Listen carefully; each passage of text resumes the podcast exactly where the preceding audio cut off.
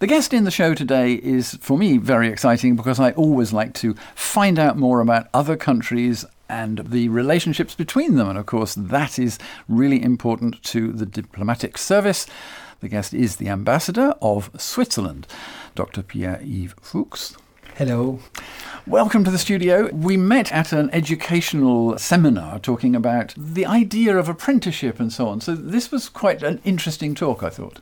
Yes, it's a tradition. We think that it's a part of our social economic success to allow young people to learn what they want to learn, uh, not only an academic way, but also to work in a factory, in a company, and having lessons uh, on the same time. We do that. Austrians do that, Germans and others, Yeah. and Slovenia is uh, reintroducing this system. I think it's really important. I mean, I worked that way, but only because I forced the system into letting me leave school and do a, a practical diploma rather than a degree. I certainly agree with that. You've been here now nigh on four years, so you're coming Yeah. to the end of your period in Slovenia.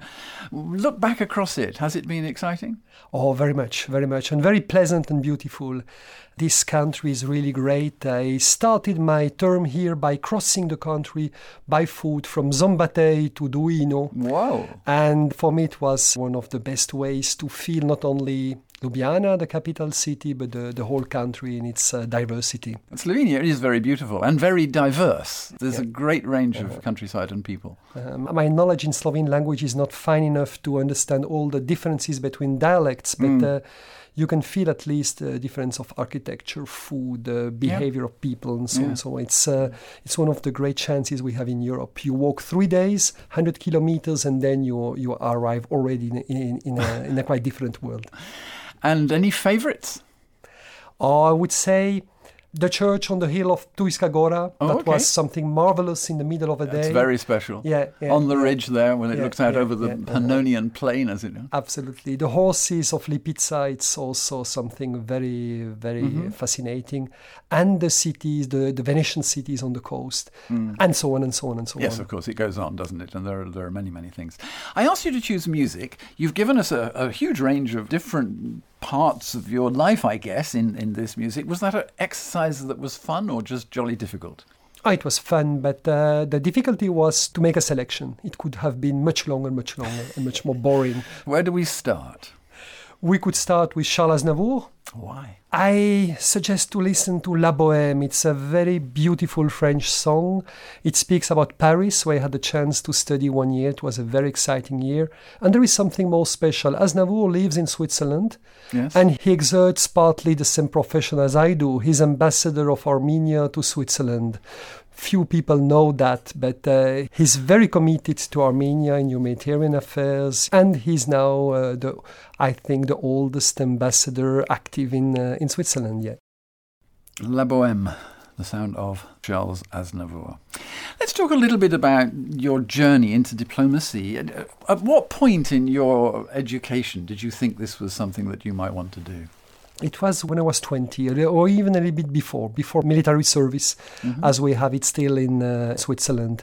My first professional life was dedicated to ancient languages, Latin and Greek. I taught that. I still have a certain nostalgia of that profession of contact with uh, with students. It's something that I continue to do also in Slovenia, giving some lesson to law faculty or Mhm. to others. Mhm. That was a, a very fascinating part of my of my professional life. What took you to ancient languages?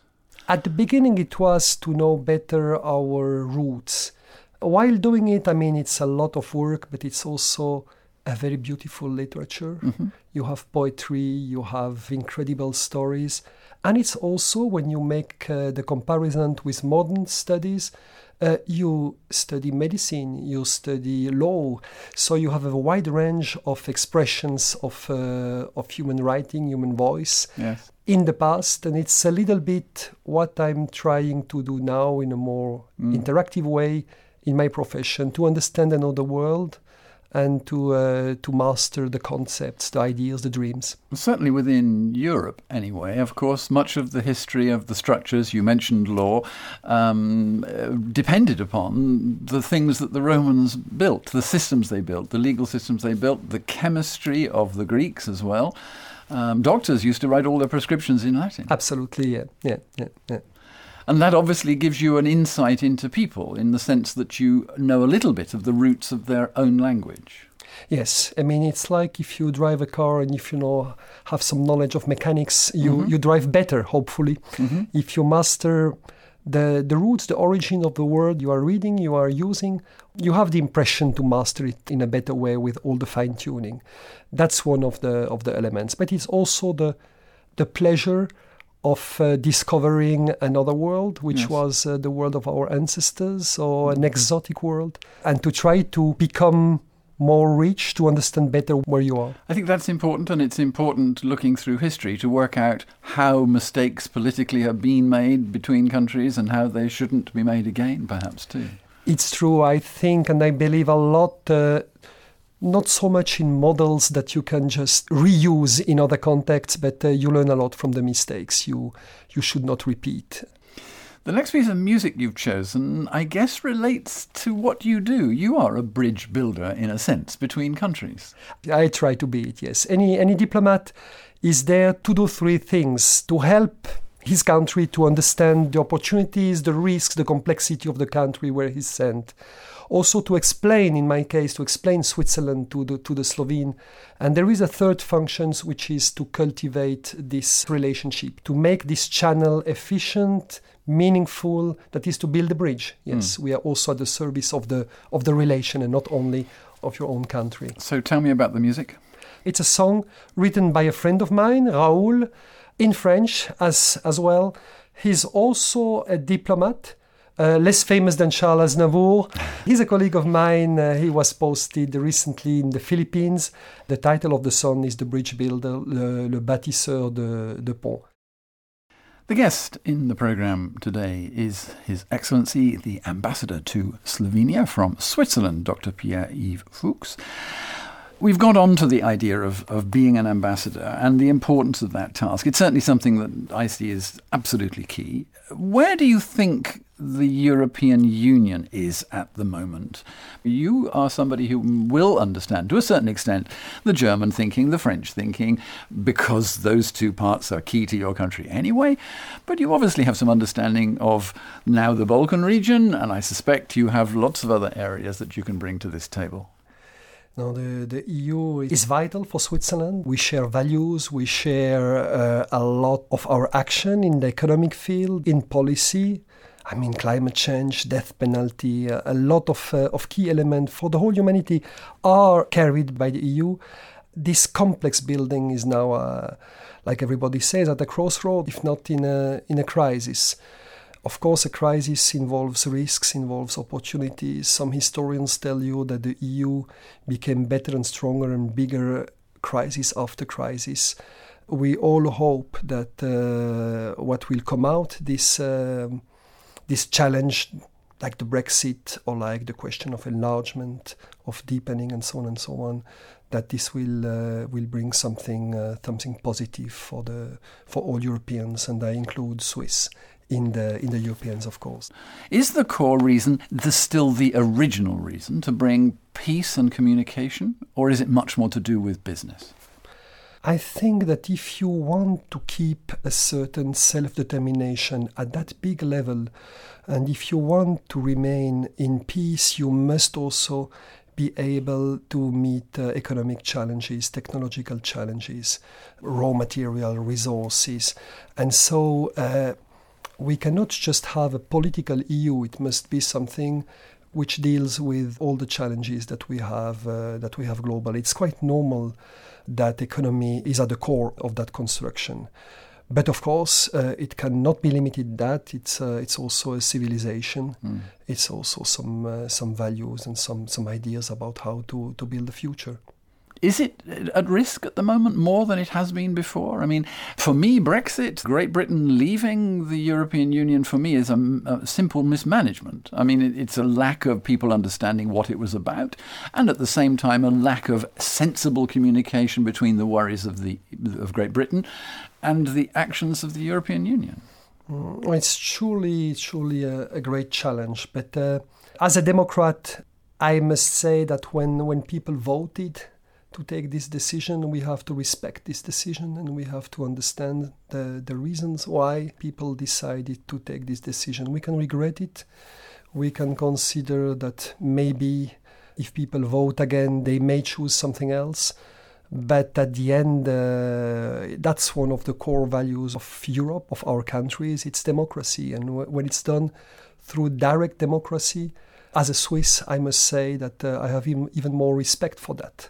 So it's it's a fact, and uh, you have to go with this fact and to to try to find the best out of that. Sure, I understand that, and I completely agree. I don't have any question with the idea that you know Great Britain voted to go in a particular direction. It's now incumbent upon the Parliament to do so. But what I'm concerned about is that other countries of the European Union are going to look and say, well, actually, maybe we should leave because we don't agree with certain things. I don't think that the countries were actually communicating very effectively it's true that uh, it's not only about communication. I think it's yes, it's a, a, part of the of the issue is how you explain your own needs, your own uh, your own goals, uh, one to the one to the other. But it's also a question how you negotiate, how mm. you participate in the decision making, and if people have uh, get the impression that uh, they are not anymore determining their, their own future, they may take this kind of uh, of mm. decisions. Mm. Which would be a great shame yeah, because yeah. I think it has huge values. Uh-huh, uh-huh. I so I think it's more than just uh, just transparency communication. Mm. Uh, it's also a, a, question of sharing uh, the power, sharing decisions, mm. taking together the decisions. I think it's time for more music. Excellent. I suggest uh, as a piece something which which brings a lot, a little bit of silence. Uh, we are in Slovenia, an alpine country, and uh, I'd like to uh, to listen something quite majestic, quite serene uh, Alpenhorn. The haunting sound of the Alpenhorn. Yeah, you, you're taken to a mountain immediately, aren't you? And you, you could feel this this beautiful sound. You've been in Slovenia for a while. Um, what have been your challenges here? What have been the major areas that you've been working in? I know you obviously, because we spoke about it at the beginning, you've been involved in education and, and you're connecting uh, various people to help enhance the Slovenes returning to the idea of apprenticeship and so on. But uh, there may be many other challenges that I'm not aware of. The first challenge for uh, foreigners um, following political life is to uh, to understand the specificities of uh, of Slovene uh, political life, which is quite uh, quite vivid, quite uh, quite strange, uh, and something which uh, which is which is really fascinating. The country looks so similar to Switzerland when you when you walk around the streets, when you look the landscapes, and suddenly you see that something is is very different, is very unique not only the fact to have one language, but uh, the way to uh, to deal with politics, the way to deal with uh, uh in professional work, and so on and so on. So it's, uh, I would say, in uh, countries which are not extremely exotic in fir- at, at, the first glance, to understand all this fine tuning, all mm. this slight difference. That's that's an quite a fascinating challenge to uh, to understand that. I mean, becoming a democracy um, from a socialistic background of many many decades. Uh, is something that takes time anyway. You, are not going to change uh, the mentality of people, and nor should you try. Uh, it has to gently evolve its own form of democracy, doesn't it? Yes, absolutely, absolutely. But what is fascinating is that now we have new technologies, new uh, new threats for instance, climate change, and mm. uh, suddenly I see that uh, for the collection of garbage or for solar energy or this kind of uh, of new means of action, we act exactly in the same way or almost exactly in the same way, mm. be it Switzerland, be it Slovenia. So mm. that's quite reassuring. We uh, we we do a similar analysis in front of new of new challenges. Of course, the past is the past, and it, it should never be under underestimated. Of course, absolutely, and I think it's really important. But you talk about the challenges of say waste and all the rest of it. I mean, uh, the rest of Europe, I, I am well aware through the Eurocities meetings that I've attended uh, see Slovenia, and in particular Ljubljana, as a, a great example of, of achievement. Yeah, yeah. I must say the, the atmosphere of Ljubljana, the, the way people can walk around in a in a safe, uh, relaxed way. People are smiling in the streets, and Mm. that's something which, uh, when you asked me what I liked, what uh, what impressed me in the in the country, of course, I should never forget the the capital itself. I mean, this Mm. uh, it's a it's something when you have lived in Tokyo, when you have lived in Tehran, in the in these huge cities. Uh, just to walk, to go from your home to your working place by foot, that's Mm. something which becomes more and more and more unique. Mm. And something to be treasured, absolutely. And and I think that you know we have to change. We have to change from a climate point of view. Um, I think that uh, the example here is remarkable, really, considering the amount of time that it's taken. A very short time, six, seven years from the very concepts uh, to to where it is now. It is remarkable. Let's move on with the music. Yes, the next piece, uh, it's something which surprised me. Uh, it's a melody from the Slovene folklore, extremely well known here, I can suppose, yes. but also very known in uh, in Switzerland, in yes, that surprised me. Alpine I didn't know this. Yeah. But not known as a Slovene piece. hmm Really. They consider it, let's say, as an Alpine folklore. Hmm. The sound of the alpine area and the folklore and the farming and all of that that, that sort of music encompasses. Let us look at other places you've been to. Let's look at your experience. You mentioned uh, the Far East. How do you think we are achieving communication, and what is necessary to be? I mean, I don't know. Have you you haven't served in China? No, I was. Uh, I negotiated with the Chinese. Right. I was in charge of a human rights dialogue that we have with China Ooh. since the 90s, which is also a way to visit a country, not simply residing there, but Mm. uh, discussing about uh, serious matters. But involved in discussions like that, I I mean, human rights are very important to everyone. We are all aware that not everybody has a good record in human rights. That's a very difficult one, isn't it, to discuss because it's part of almost the culture of the land that you're communicating with. Yes, yes, certainly. But uh, I think that transparency is something which helps a lot to make progress in human rights, but which can also be sometimes an obstacle. Mm-hmm. In order to speak in a frank and open way, uh, if you do it with loudspeakers, uh, the discussion is often very superficial and uh, Yeah. and quite rhetoric. I mean. Uh, uh, it's important to have these open discussions like we have it in Geneva in the Human Rights Council, but in parallel, it's very important also to have confidentiality, to have direct talks with uh, with people. That doesn't sound very popular, but it's an important instrument of diplomacy. I think it's vital, isn't it? Because if you don't have conversations in a diplomatic way that the general public may never even know about, but certainly at that time don't know are taking place, because the general public don't know what you know. I don't know the background. I don't know the temperature of this communication. And so it's impossible for me to make a view. And I think journalism has uh, some problems here that you know the, the idea that we try to publicize everything that goes on is actually not constructive is it There are a lot of similarities between journalism and diplomacy. We believe in the power of, of words. I mean, we need transparency, we need expression, communication, but both need also a certain private sphere. A journalist protects the sources, mm. otherwise cannot I cannot work. It's something similar with diplomats. But when we, if we go back to human rights, one of my great satisfactions and joys that I had in my professional life was sometimes to allow people to be released from prison, but that was only possible through the demarches which were not public. yeah That happens sometimes. Yes. You must have both. Uh, I think definitely you, Mm. you, you need to have both, and perhaps all what is intermediate. It's like in music, you need silence and you need sound. so let's have some more music In 2015, in the metal days in Tolmin, came uh, a Swiss group with a strange name, uh, Eluveitie, which is the Celtic name of Switzerland, Helvetia, uh, the, the Latin name that we have on our stamps. It's quite a particular group. It's not purely metal, it's folk metal. So uh, there, there is some, people would say, some Irish flavor in this of course. music. This particular track is quite strong, isn't it? It is, it is. Yeah, a little yeah, bit yeah. off the same feel as everything It- else you play. It's in a great contrast with the Alpenhorn, clearly. Certainly.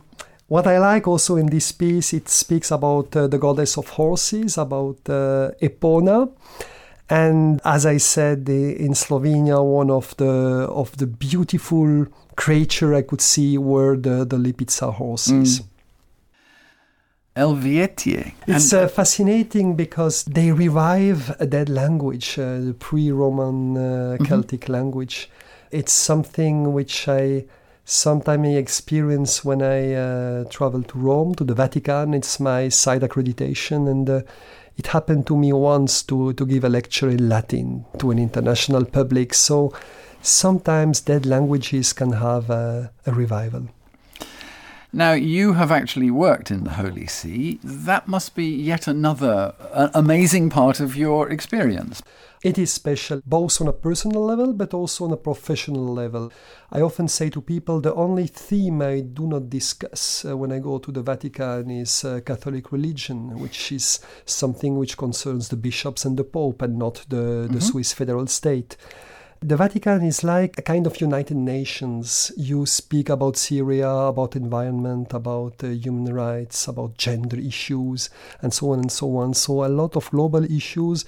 We do not have a lot of uh, bilateral uh, affairs to deal with, even if we have the Swiss Guards, which is an important population in the Vatican. But it's definitely a place of exchanges, of communication, of, of wisdom, hopefully and of passions.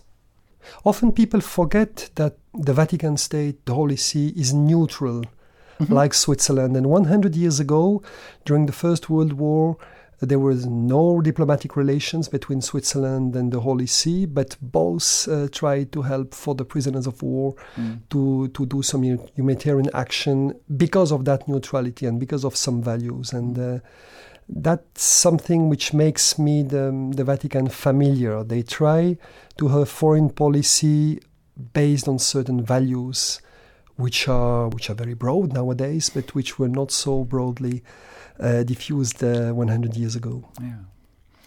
Which brings us to another piece of music as well. It's a piece called A Mass for Peace.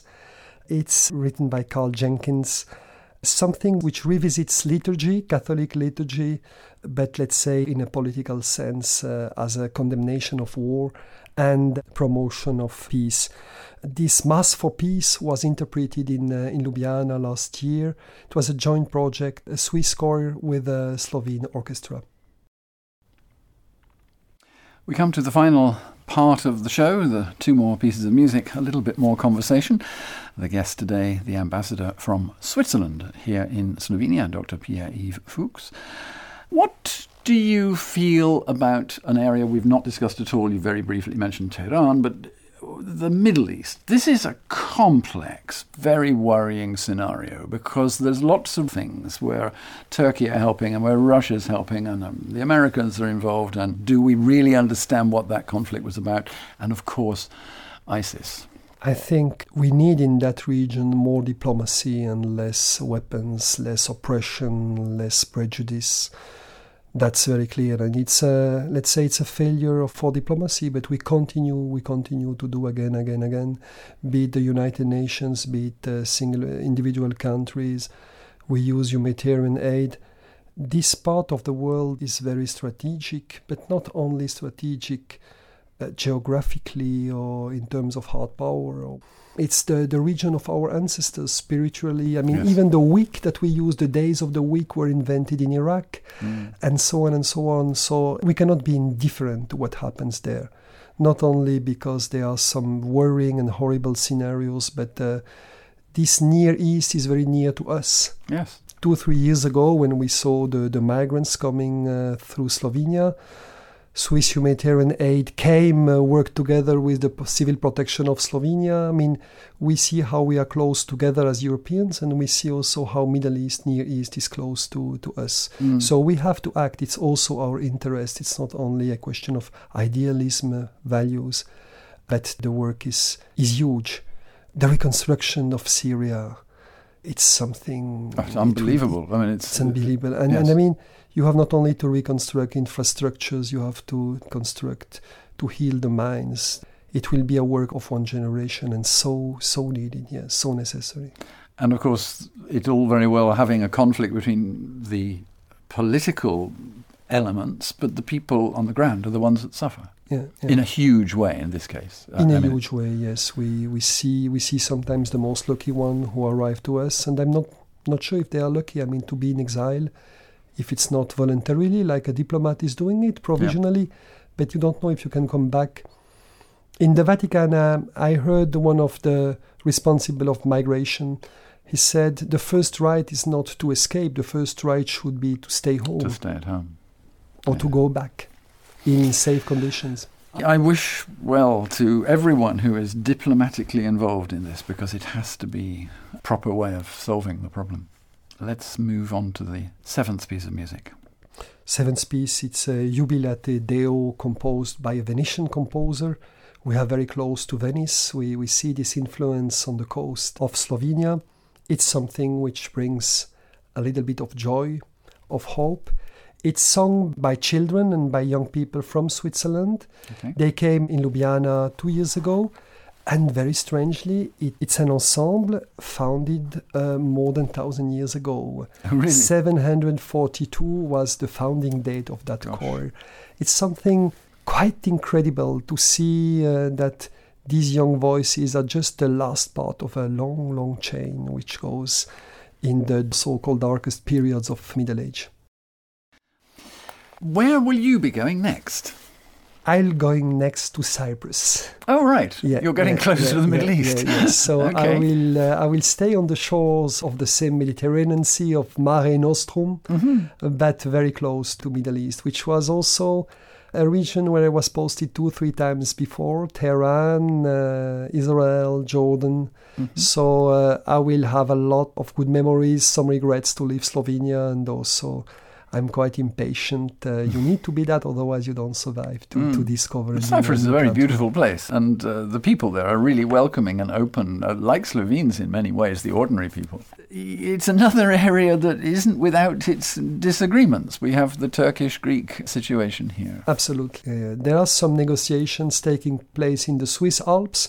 Okay. Switzerland is not mediating, but we provide a peaceful uh, place, Environment, to, a neutral an environment. Yeah, yeah, Yeah. yes. Let's hope that this long conflict with we will come to an end. Difficult to make forecasting, especially for me, who's not yet on this post. No, but you've obviously got other issues, very different issues actually, in many respects, about uh, who owns what and why, and and and, and, and that's a, from right back to 1940s. Yeah, yeah, yeah. Still not completely resolved. Thank you so much for sparing me the time and taking us on this little journey about uh, you know where you've been. What will you miss most about Slovenia when you leave it? Probably the walks I did uh, in Ljubljana Right. at any time of the morning, of the evening. I mean, this peace, Mm-hmm. the smile of people, the beauty of the Mhm. of the streets, that will. I mean, it's probably one of the nicest cities where I could live. in. And it's become very complete in the sense that there are lots of people from other places too. You know, it's a Yeah, very metropolitan city with all sorts of elements of, of Europe in it and, and further afield. And uh, what about things like that, that you've enjoyed here? The food, the wine, maybe, the beer, whatever? The wine, of course. When I was child, the first time I heard about Ljubljana was the wine competition. I'm uh, from a village where they produce wine, and one Mhm. of the wine producer won a silver medal at that time. Oh, so okay. Ljubljana, for me, that sounds something like uh, yes, a country where people like to eat and drink well. I Mm. mean, a little bit Epicurean. I had the confirmation when I was here. Uh, yes, it is a it is a country with an art de vivre, you can say. Certainly that. As I say, thank you so very much. Where will we leave the story musically? We leave the story in Davos together with Donald Trump. Okay. Uh, it's when the US president, without uh, his Slovene wife, unfortunately, came to Davos at the WEF. There was a wind orchestra who played a piece to welcome him. The, they played the Coburger March. I chose this piece not only because it's a very beautiful uh, march, mm-hmm. uh, it has a certain story. For me, it has to do with the orchestra, the Landwehr of Fribourg, one of the finest wind orchestras in Switzerland. They gave me a challenge some years ago. They wanted to play for the Pope. Uh, Pope Francis never attends concerts, otherwise, he would have to do that every evening. the solution was they played for the poor of Rome. We had some homeless people in a concert hall, we had some other general public, and at the end, uh, the money was given to help these homeless in Rome. Thanks to that, uh, some members of this orchestra could meet uh, Pope Francis. Sometimes music can change the world, or oh, can uh, or can be can bring some help, some support, and uh, favor some meetings, some improbable mm.